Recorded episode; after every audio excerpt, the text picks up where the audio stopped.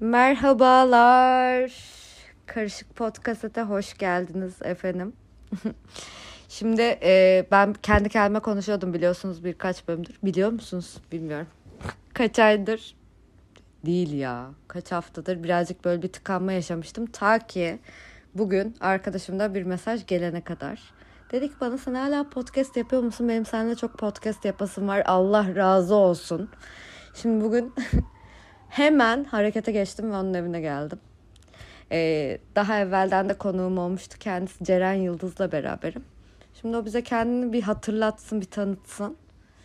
Sonra ben podcast'a başlıyorum biraz. Bisiklete binmek gibi düşünüp hatırlarım diye düşünüyorum. Değil mi? Evet selam.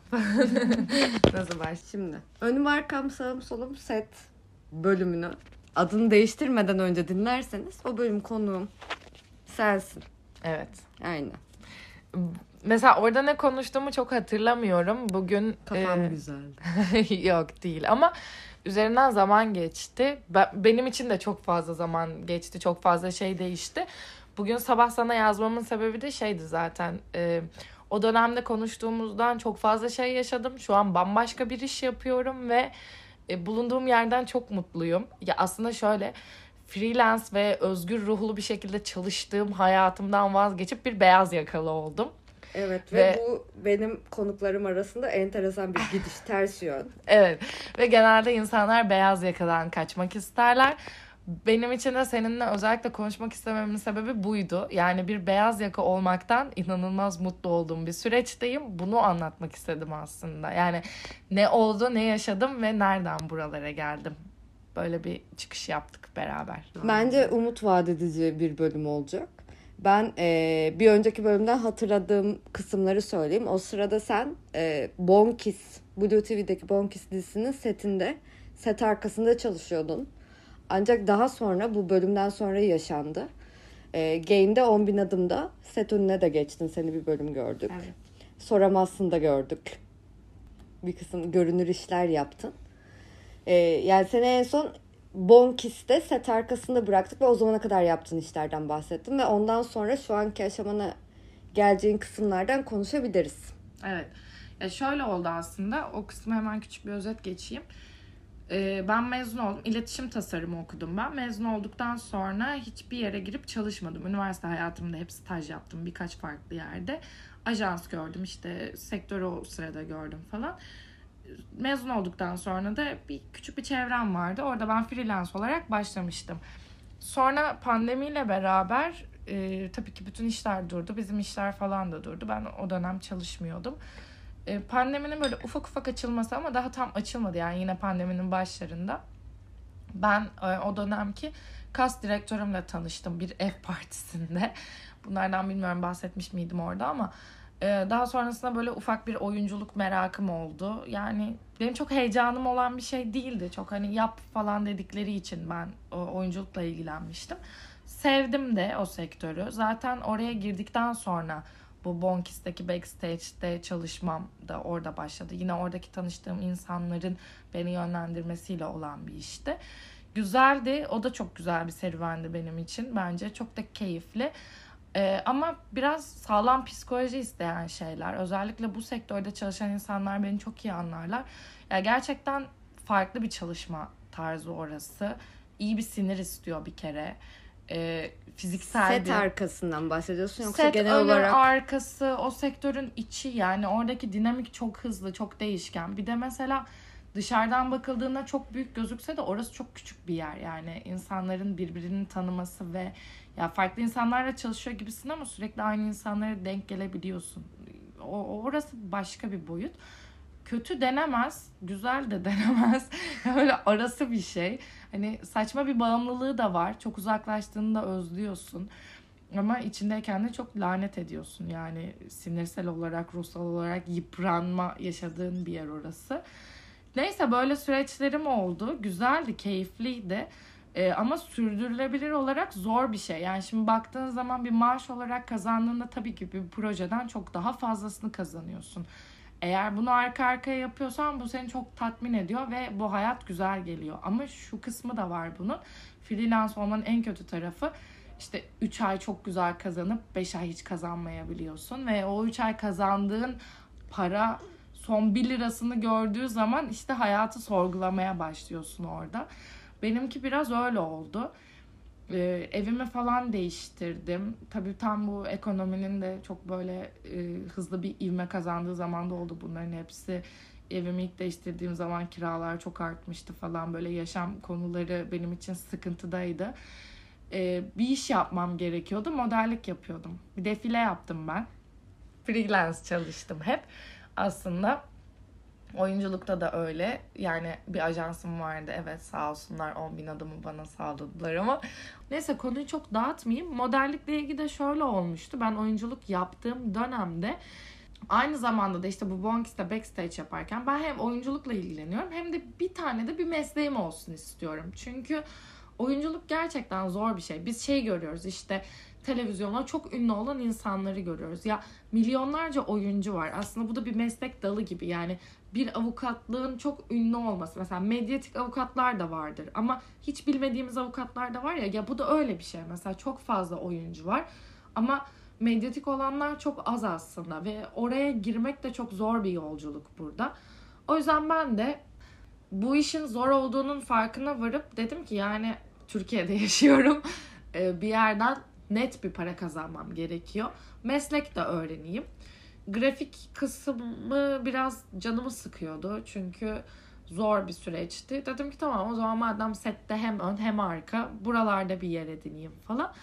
Ee, orada yine böyle çalıştığım bir yerde bir stüdyoda bir fotoğrafçıyla tanıştım ben. O ara o bana söyledi. Bir projesinden bahsetti. İşte modellik düşünür müsün falan. Dedim hiç yapmadım ben. Senede de biz böyle bir proje yaparız. Doruk Seyman, o da çok severim Doruk. Ben o proje sayesinde ünlü bir tasarımcının e, fotoğraf çekiminde yer aldım ve tasarımcı beni aradı. Modelim olur musun diye. Sonrasında benim modellik serüvenim böyle başladı aslında. Biz böyle abi bir proje var ya bunu çeksek mi?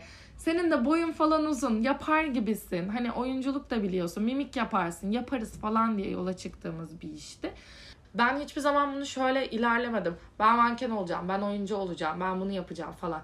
Ya bu işler gerçekten ciddiyet gerektiren işler ve bunun üzerine gitmen gereken işler. Bu işte ben bunu olayım ya deyip de evde birinin seni manken ya da oyuncu olmasını bekleyebileceğin işler değil. Ben de bu işlerde çok fazla yani dürüst olacağım. Çok bir emek harcamadım. Biraz şansım yaver gitti. İstanbul'da olmam, çalıştığım sektör, e, bu insanlarla tanışmış olmam, belki fiziksel görüntüm, biraz yeteneğim falan bir yerlerde bulunmamı sağladı. Ama bunun daha ileriye gitmesi için daha çok çalışmam gerekiyordu. Bende de o enerji yoktu. Çünkü dediğim gibi o set ortamları falan beni yordu. Ciddi bir psikoloji istiyor. Ben onunla başa çıkamadım yani. Bu mankenlik işi de şöyle oldu. Yine iki arkadaşım sektörden bir mankenlik kastına gidiyorlardı. Biz de o gün takılacaktık böyle işte. Ben de onlarla erken buluşmuş oldum. Biz kastın olduğu yere gittik. Doğru yerde doğru zaman. Belki de. Sonra kızlar dediler ki sen de gir ya falan. Ya girsene sen de kasta falan. Dedim yok ya ben hiç yürümedim ki podyumda nasıl gireyim falan. Ya gir işte bir sürü kız var ya deneyim olur falan. Ben bayılırım deneyimlere. Zaten hani bir sektörde bir seneden fazla kalmadığımı göz önünde bulundurursak her yerde o iş nasıl bir şey ya? Burada nasıl bir şey yapılıyor? Böyle mi mutlu olur falan sen kendimi keşfetmek. Ya hayatta bir işi iş gibi görmeden nasıl çalışılabiliriz bulmak istediğim için deneyim mi? Okey o zaman ben orada olayım falan diye. Yani hayatımda şunu anlatmak güzel bir şey olurdu bence. Bir mankenlik kastına dört tane jürinin önünde catwalk yürüyüp işte seçildim ya da seçilemedim falan. Bir hikaye yani bu benim hoşuma Çok gitti. Çok iyi hikaye bu arada. Bir şey soracağım. Ee, ve gerçekten şu an aklıma gelmediği için yani bu dipnotu da şurada vereyim. Onlara ilişkin de ayrı podcast çekeriz bence. Biz çok eskiden tanışıyoruz yani. 9-10 evet. yaşlarından Çocukluk beri. arkadaşı podcast. Küçükken ne olmak istiyordun büyüyünce? Ben bunun cevabı yok şu an. Hostes. Vay. Valla hostes olmak istiyordum. Mesela insanlar Olur o zaman işte. anlamıyorlardı ama ne olacağım Vizyonlu. Bilmiyorum. Hostes olacağım falan diyor. İnsanlar mesela doktor olacağım, öğretmen olacağım falan diyorlardı. Ben hostes olacağım diyordum. Bunu niye dediğimi bilmiyorum ama öyle bir isteğim vardı. Evet niye olmadığını da arada bir konuşalım. Uçak korkum var. Okay. Sonradan gelişti o da. Neyse işte öyle bir defileydi yani. O da değişikti. Değişik. Yani ben o defileden sonra manken olmak da güzeldi. Onu da istedim. istemedim. Ya yaptım her şeyi istedim bu arada. Oyuncu. 10 bin adımda oynadıktan sonra evet oyuncu olmalıyım. İşte manken. Evet çünkü çok keyifli işler. Ama işte dediğim gibi arka planındaki o sürece katlanamıyorsan git, başarıya gidemiyorsun. Ee, ben oyunculuğu hiçbir zaman hayal etmedim. Ya da mankenliği hiçbir zaman hayal etmedim. Ya bunlar hep merak ettiğim şeylerdi. Mesela bu konuda kendimi şanslı görüyorum. Çünkü gerçekten çok iyi isimlerle bir gün bile olsa set yaptım. Bunun haricinde reklam vesaire falan setlerim oldu. Yani bu sektörde bir iki yıl kaldım. İşte kamera arkasında da çalıştım. Önünde çalıştım. İyi isimlerle ana kast oldum. Ondan sonra işte bir bilmiyorum ünlü bir tasarımcının çekimlerinde yer aldım. Yine iyi fotoğrafçılarla çalıştım. Ee, iyi markaların işte görüşmelerine gittim. Oradaki insanlarla görüştüm. Oral, onlar fotoğraf çekimimi yaptılar. Portfolyolarına dahil ettiler beni. Sonra işte e, defilede yürüdüm falan. Bunların hepsi çok güzel şeylerdi benim için. Ama hiçbirisi bunu yapmalıyım diye yola çıktığım bir şey ya da bununla beraber böyle içimde onun aşkıyla ilerlediğim şeyler değildi. Hepsini yaşamış olmaktan dolayı çok mutluyum ve hayatıma çok fazla şey kattı. İyi ki yaşadım. Kendimi bulma yolumda da bana çok fazla şey gösterdi. Mesela şeyi fark ettim. Ben o kadar ünlülüğü kaldıramam. Ya bu bir kaldırma meselesi bence yani hani psikolojik olarak dediğim nokta o. Çünkü sen artık bir kamu malısın ya resmen. Senin yaptığın her şey başkaları tarafından eleştirilebilme hakkına sahipmiş gibi. Kurumsal hayatı sana tercih ettirmiş. Ruh halini orada dengelemek çok zor. Yani o, o arayı çok zor. Bu, bu bir başarı. Ya insanlar diyorlar ya işte influencer olmuş işte nasıl bu kadar çok para kazanıyor? Ya bu gerçekten çok zor bir şey yani. Hani sen orada hep o pozitiflikte olmak, o insanları idare etmek, senin hakkında söylenilen her şeyi göz ardı etmek. Ya ben mesela soramazsını sunduğum zaman bile alta yazan iki kötü yoruma bile canım sıkılıyordu mesela benimle ilgili ki bu insanlar hakkında neler söyleniyor. Hakikaten zor bir şey. Bunu yaşamadan bilemezsin ve bunun süreci de çok zor. Oradaki o mental durum da çok zor bir şey yani. Oradaki başarı. O yüzden bir influencer'ın da bak iyi ya da kötü sana hitap etmeyebilir kitlesel olarak ya da işte oyunculuğu sana hitap etmeyebilir. Oynadığı roller vesaire ya da bakış açısı bilmem nesi. Ama bir yerlerde bir yerlere gelmiş insanlar gerçekten başarılı insanlar. O insanlar bu mentali kaldırmış insanlar. Bu e, bununla başa çıkabilmiş insanlar. Burası çok zor bir şey.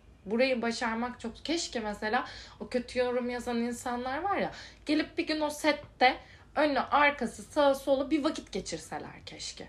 Keşke gerçekten görseler mesela. Yani o sosyal hayatında o yaşadığı yerden oraya gelmeyi görseler. Mesela işte neden beyaz yakalılık kötü değil bence. Bende burada başlıyor. Burası çok eğlenceli. Müthiş bu arada.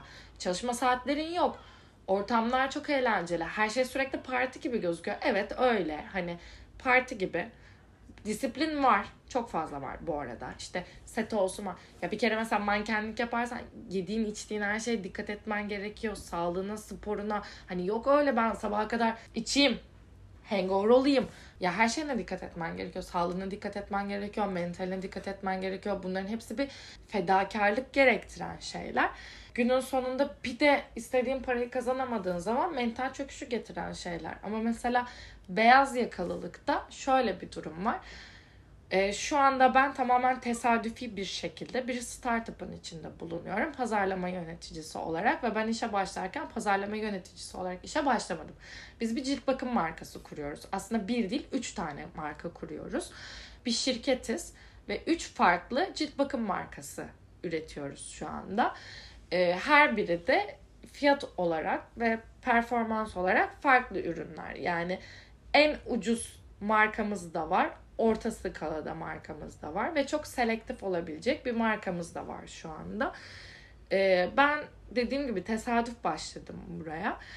Sonrasında iş ilerlemesiyle beraber işte pazarlama yöneticisi oldum. E, bu işe girerken de böyle şey diye girdim. Patronumla da öyle konuştum. Yani ben modellik yapıyorum.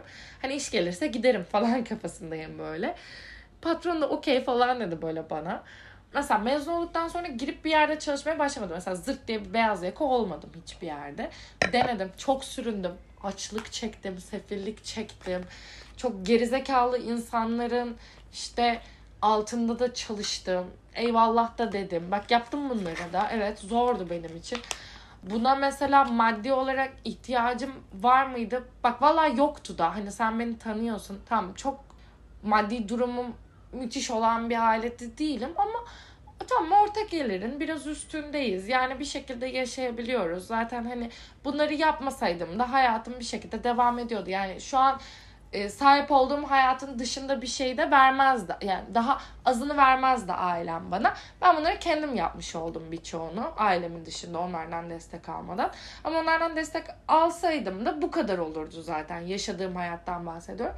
Bunlar sadece benim için e, deneyimdi ve gerçekten bir şey üretmek istedim ben hayatım boyunca. Bir şey yapmak ve varoluş sebebim bir şey yararlı olsun ya. Hani çalışmak için çalışayım değil de yaptığım bir şey bir şey yarasın yani. Bu ne olursa olsun ve yaptığım şey bana öf pöf olmasın. Ben onu severek yapayım çünkü bence sevdiğin şeyi geliştirirsin. O sana iş gibi gelmeyen ne var ya benim için? Hani ben bir şey yapayım ama o benim için iş olmasın. Ne olsun o falan. Ben onun peşinde koştum aslında.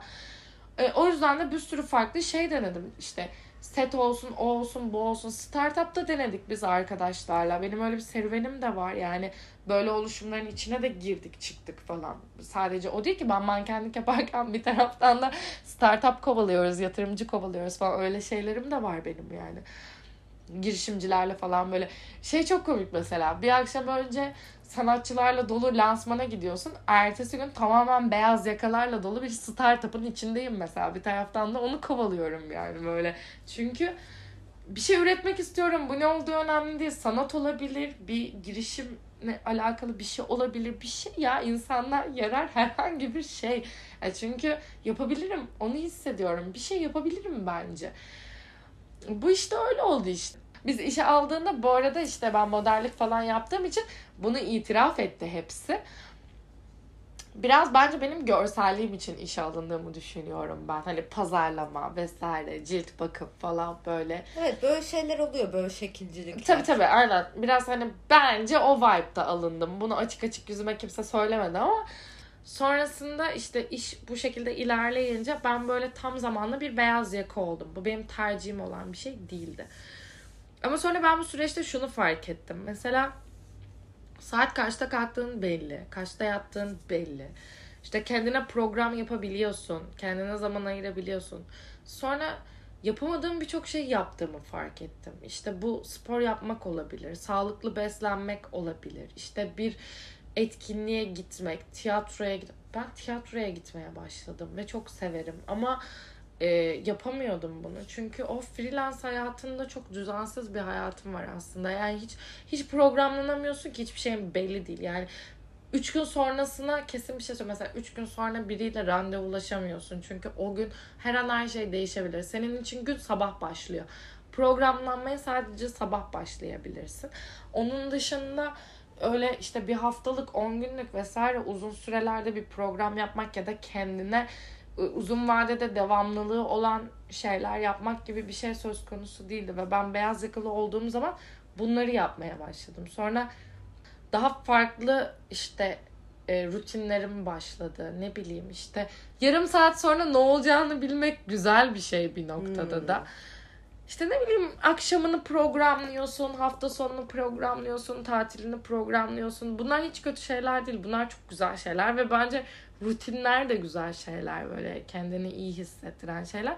Mesela beyaz yakalılıkta buna bayıldım. Bu hiç yapamadığım bir şeydi benim ve bunu yapıyor olmak çok güzeldi. Ya şöyle bir gerçek var. E, mezun olup direkt beyaz yakalı olsaydım da bu kadar iyi olmazdı. Hı hı. Birçok Ama kişinin yaşadığı kısım bu aslında. Evet, bence bence de o. Yani biraz sürünmek gerekiyor çünkü herkesin hayalleri var ve bilmiyorum bu hayalleri yapmak için hep bir bahanelerin arkasına sığınıyoruz. İşte para kazanmam lazım ama bilmem ne. Bu yüzden olması gerekiyor ama işte Mesela hayal ettiğim şeyler neyse ben bunların hepsini deneyimledim. Hepsini yaşadım, bir şekilde gördüm falan. Bunun üzerine bir şey geliştirmek lazım diye düşündüm ve bu, bu değil dedim. Bu değil, o değil. Peki ne o zaman falan. Sonra bu iş oldu.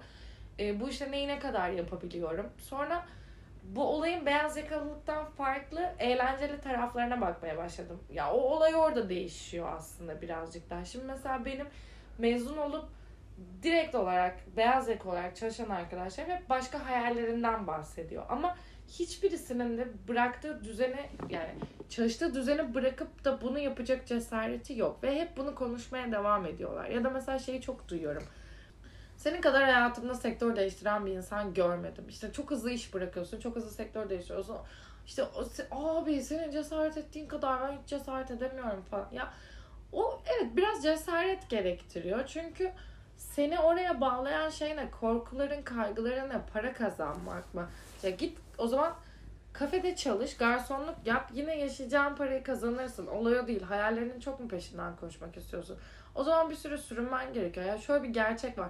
Ailenden çok zengin doğmadıysan bu para sıkıntısını çekiyorsun bir şekilde. Kendi işini yapmak istiyorsan, kendi hayallerinin peşinden gitmek istiyorsan bunu çekiyorsun. Bunu yapmak zorundasın. O zaman mesela Burada fedakarlık etmen gerekiyor. Hiçbir şey aynı doğru orantıda ilerlemiyor ki. Bir yerden bir yere bırakman gerekiyor yani. Bende de biraz o oldu. Yani sıkıntısını çektim vesairesini gördüm falan filan. Sonuç olarak baktım ki yapmak istediğim şeyler bu, gördüğüm şeyler bu. Bütün bu deneyimlerimi aldım, cebime koydum. Hepsi çok güzeldi. Çok güzel bir network sağladım. Hatta şu anki işimdeki başarılı olmamın sebebi de buradaki geçmişim zaten benim. Ben belki girip bir şirkette pazarlamacı olarak çalışsaydım şu an bulunduğum konumda bu kadar ihtiyacı karşılayan bir birey olmayabilirdim.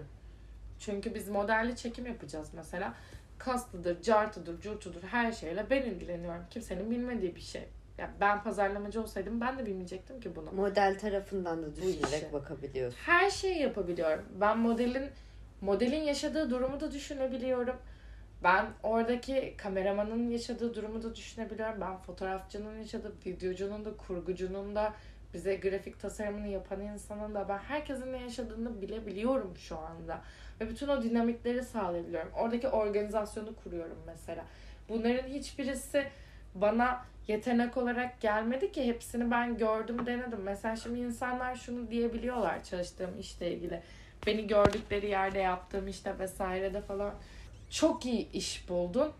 Vallahi çok iyi yerdesin. Ama bu benim için wow, müthiş bir şans. Tamam ben benim bu anki patronumla tanışmam belki hayatımdaki şansım olabilir. Orası ayrı bir konu. Onu bilmiyorum ama şöyle bir gerçek de var. Benim bu yaptığım ya da geldiğim nokta şans değil. Ben bunun için çok emek harcadım, çok çaba sarf ettim, çok psikolojik zorluklar da çektim, çok maddi sıkıntılar da çektim. Bu savaşları verdim yani. Bu bunlar da göz ardı edilebilir şeyler değil. O yüzden bence olay beyaz yakalılık sıkıcı değil de sen ne yapmak istiyordun ve neyi yapmak istemedin de bu kapitalist düzenin çarkının içerisine zart diye girdin. Niye birden burada oldun mesela? Seni yapmak istediğin şeyden alıkoyan ne? Neden yapmıyorsun? Bırak git yap o zaman.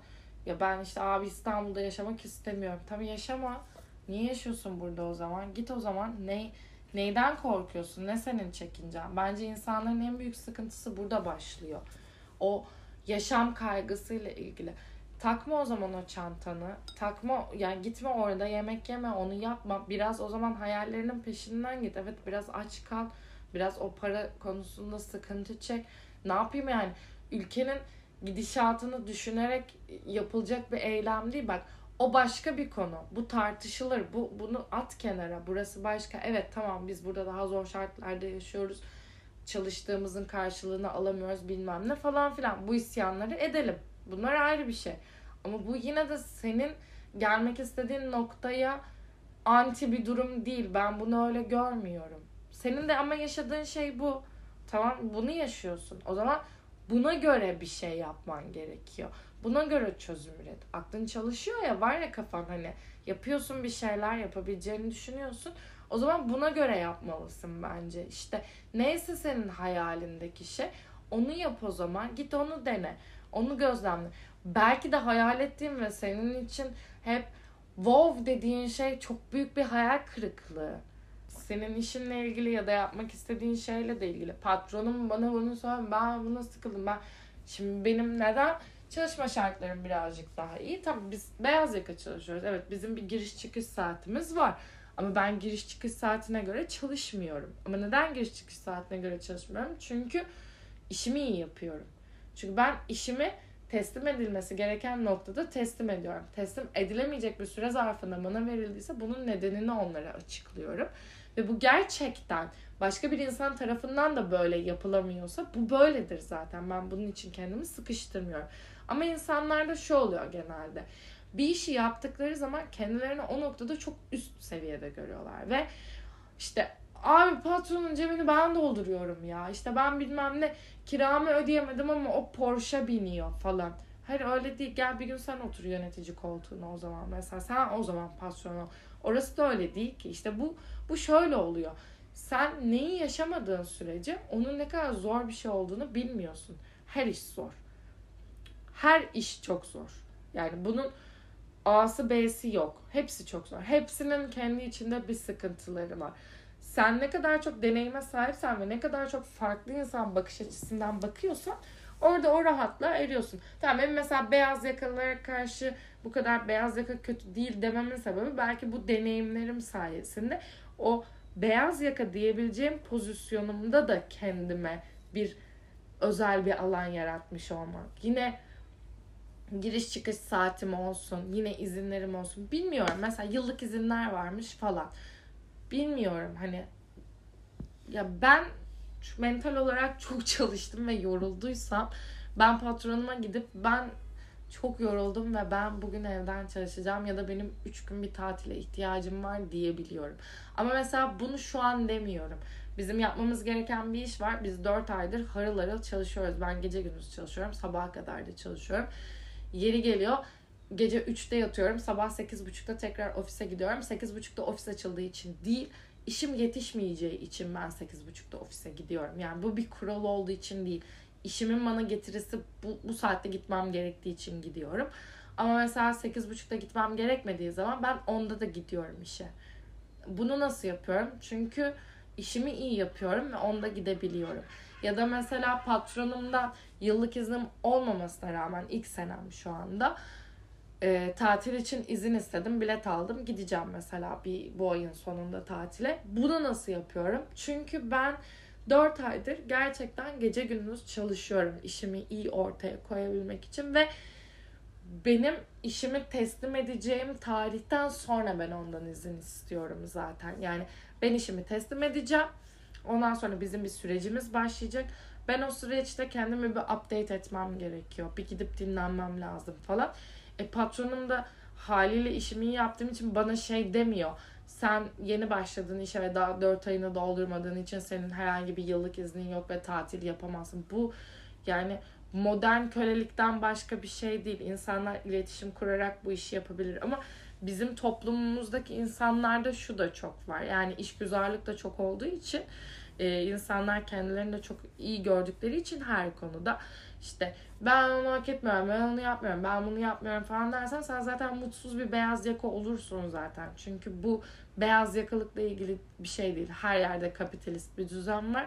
Önemli olan sen o düzende kendine nasıl bir çark ediniyorsun ve sen kendi düzenini oranın içine nasıl uyduruyorsun. Bence önemli olan şey o. Mesela ben yarın sabah işe gideceğim. Saat kaç oldu? Biz şu an podcast kaydediyoruz. Yani bu benim için bir sorun değil. Çünkü ben yarın sabah işe gittiğimde 8.30'da beni bekleyen bir iş yok. Ben cumartesi günü de çalışarak, normalde biz cumartesi çalışmıyoruz. Ben cumartesi çalışarak bunu teslim ettim. O yüzden ben yarın 10'da gitmem ofistekiler için bir problem değil.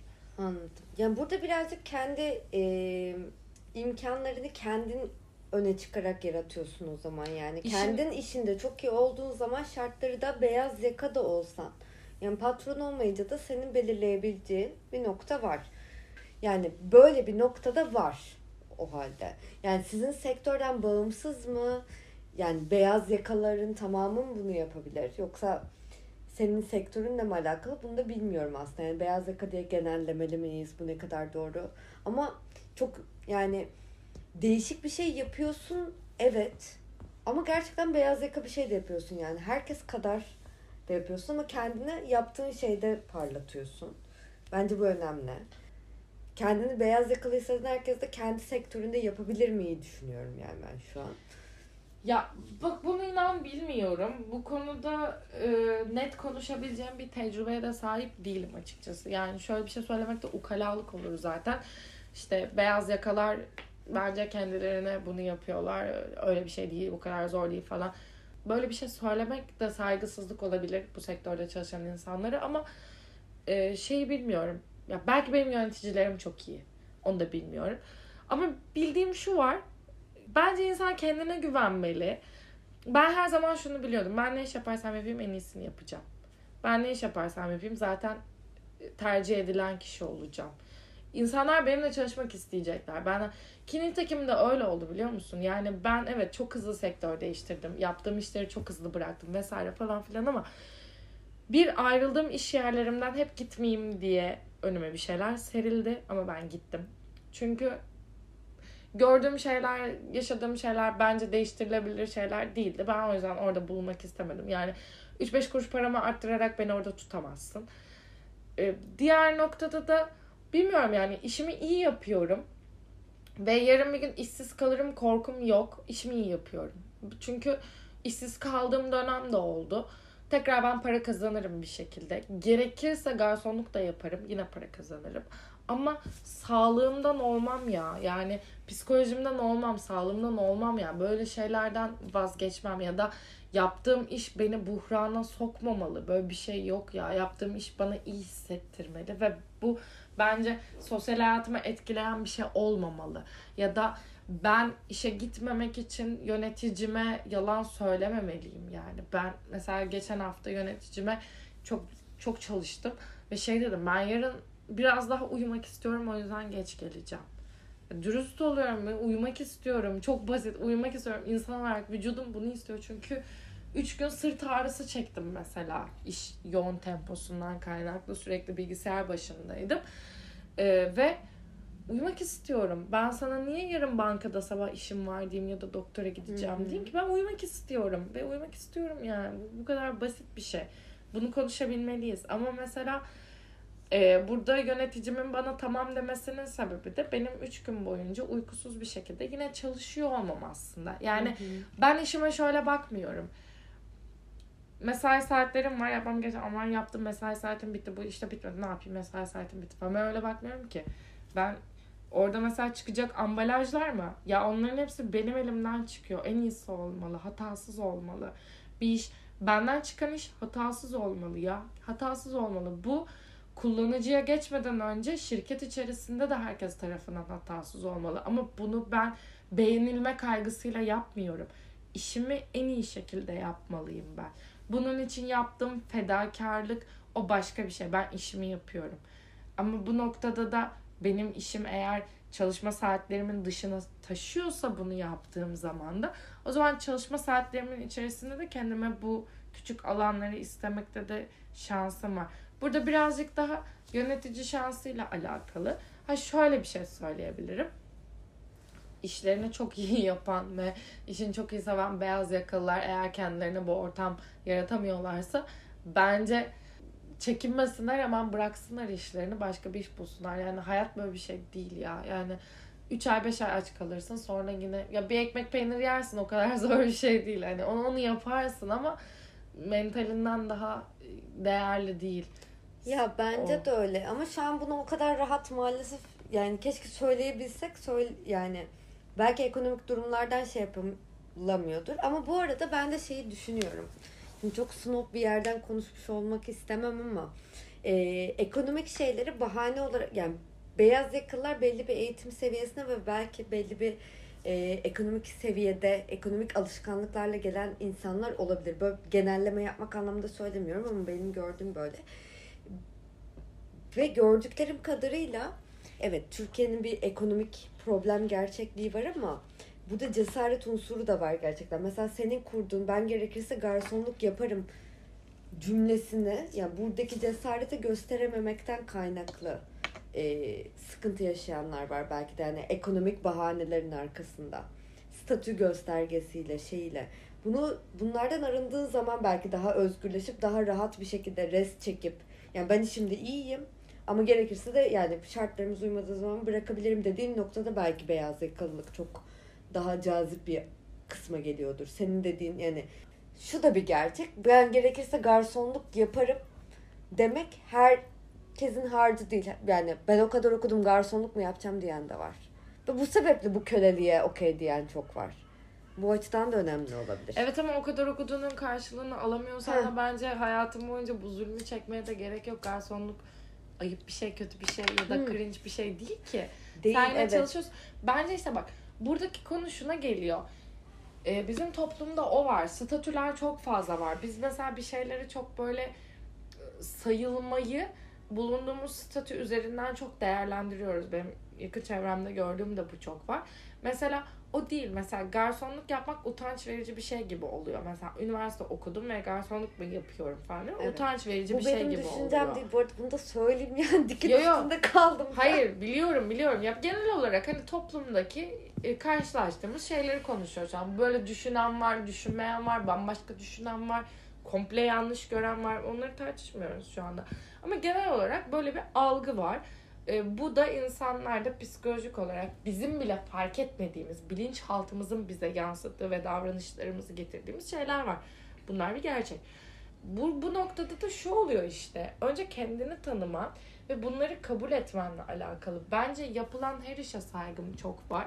Ve bence statü denilen şey yok. Herkes birbirine saygı duymalı. Ne olursa olsun, kim ne iş yapıyorsa yapsın. Kimsenin kimseye saygısızlık yapması gibi bir şey söz konusu değil. Ve ben evet ben de okudum, o kadar şey yaptım bilmem ne ama günün sonunda mobbinge uğruyorsam, bu iş artık beni sağlığımdan ediyorsa, sosyal hayatım sonuna kadar gidiyorsa okey garsonluk yapayım ya. Ve başka insanların benimle ilgili ne düşündüğü gerçekten zerre umurumda değil. Çünkü ben ne düşünüyorum, ben ne yaşamak istiyorum. Oradan bakmamız gerekiyor yani. Burada da biraz e, bu sosyal medyanın getirdiği algılarla da muhteşem yaşamlar var ya. Üniversitede aynı sırada okuduğum insan bilmem nerede yöneticiyken gelip benim çalıştığım kafede ben ona hizmet etmek zorunda kalırsam falan gibi düşünceler zaten insanları o kadar şey yapıyor, geriyor ve ilerletemiyor ama ama hiç ilerleyemiyorsun öyle olunca da. Yani kendini uzun bir mahkumiyete sürüklüyorsun o zaman. Yani belki de hayatta tek bir yaşam şansın var. Bir arka... Ben bir kere yaşayacağım bu hayatı. Ben Ayşe'ye, Fatma'ya, Ahmet'e, Mehmet'e yaşamayacağım ki.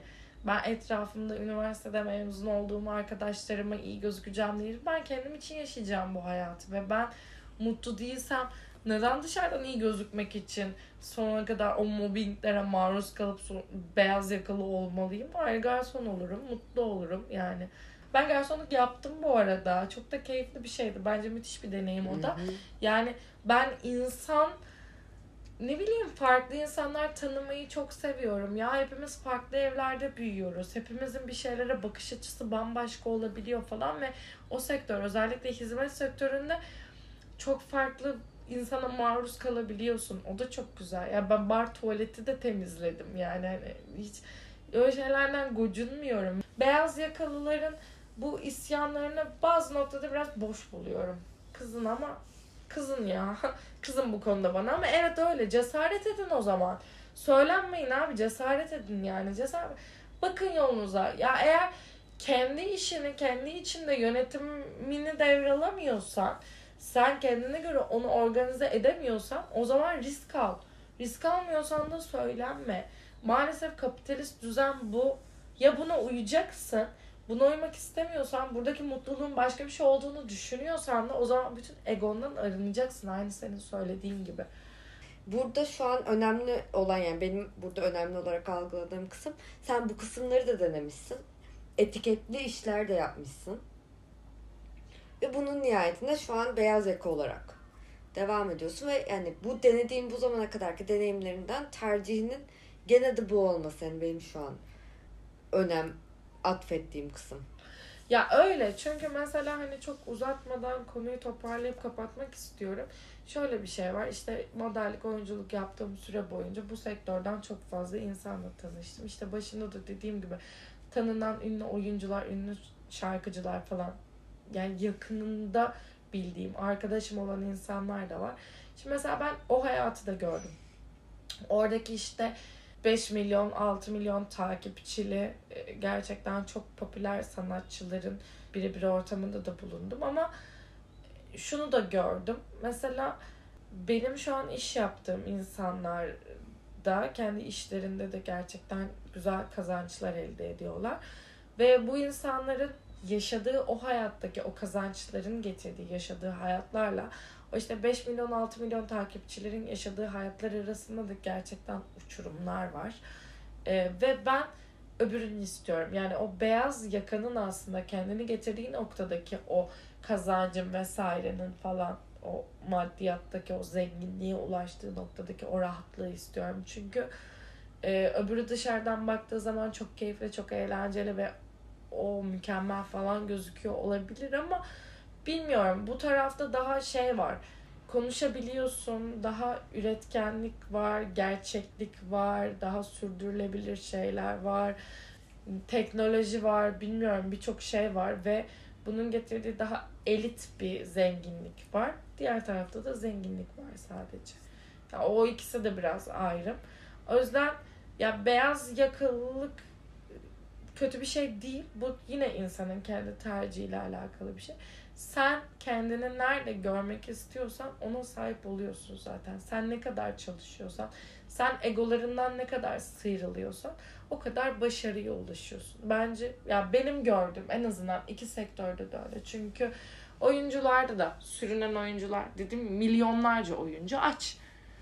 Belki 30 tanesi çok zengin beyaz yakalara baktığın zaman işte var olan bütün beyaz yakalar e, belli bir standartta belki 50 tanesi çok zengin.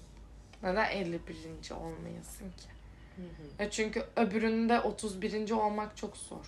O kadar insanın içerisinde. Oyunculuk daha başka bir şey ama burada olabilirsin. Burada aklınla, çalışkanlığınla, disiplininle, istikrarınla yani sabrınla olabilirsin. Ama şu da bir gerçek. Mesela şunu da tartışabilir bence insanlar. Ben şeyi de çok görüyorum.